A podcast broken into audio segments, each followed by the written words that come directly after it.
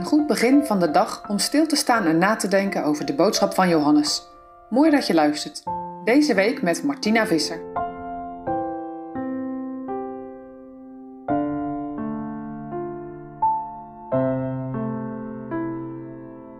Durf jij al je teleurstellingen bij de Here neer te leggen? Met deze vraag zijn we gisteren de podcast geëindigd. De discipelen moeten dit beleiden na een nacht van hard werken met lege netten als resultaat. Hun korte antwoord op Jezus' vraag was: nee. Vandaag denken we na over gelovende vissers, waarover het gaat in de versen 6 tot en met 14 van Johannes 21. We lezen samen de versen 9 tot en met 13. Als zij dan aan het land gegaan waren, zagen zij een kolenvuur liggen en vis daarop liggen en brood. Jezus zeide tot hen: Brengt van de vissen die gij nu gevangen hebt.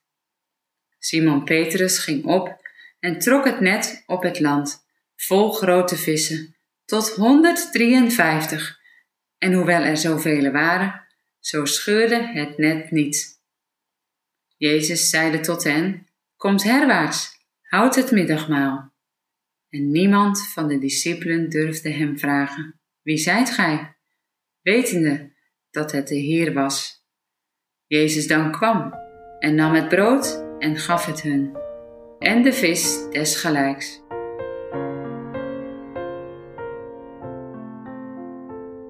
Werpt het net aan de rechterzijde van het schip, geeft Christus hen als bevel in vers 6. Het is tegelijk een bewijs van zijn macht. Want hij belooft hen meteen: en gij zult vinden. Al kennen de discipelen tot nu toe de man op de oever niet, dit woord moet zoveel kracht gehad hebben dat ze zonder enige twijfel het bevel opvolgen. Ze geloven, ze gehoorzamen en al spoedig ervaren ze ook daadwerkelijk die macht en kracht als ze het net niet meer konden trekken vanwege de hoeveelheid vis die erin zat. Deze vangst doet al het geworstel en de teleurstelling van de afgelopen nacht vergeten. Johannes is de eerste die mag zien wie die man is die op de oever staat en tegen hen spreekt. Het is de Heere, zegt hij tegen Petrus. Bij het horen van die naam trekt Petrus meteen zijn opperkleed aan dat had hij van zich afgelegd om makkelijker te kunnen werken die nacht. Dan laat hij zich overboord vallen in zee, om maar als een van de eerste en zo snel mogelijk aan de kant te zijn. Misschien denk je nu, is dat niet wat overdreven? Zo impulsief en onnadenkend? Je kent zulke mensen ook vast wel in je omgeving. Ze doen eerst voordat ze denken. Maar Wacht even met veroordelen. Deze eigenschap, die we van Petrus al meerdere keren zijn tegengekomen in de Bijbel, heeft ook een positieve kant.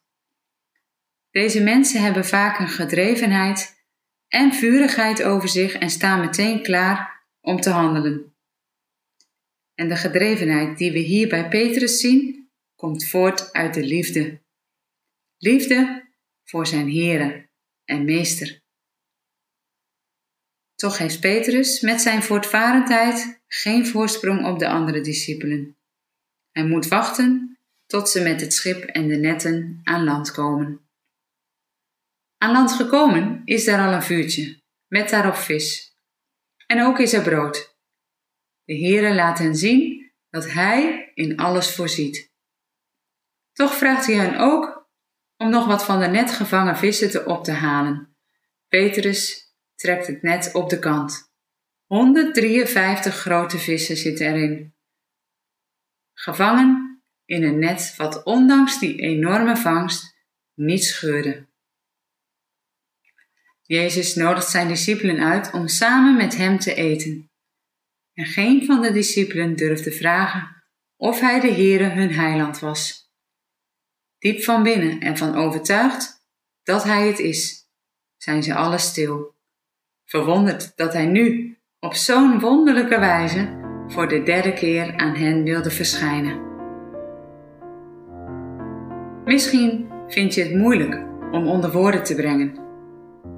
Maar ken je zo'n diepe overtuiging van binnen dat Gods woord waar is?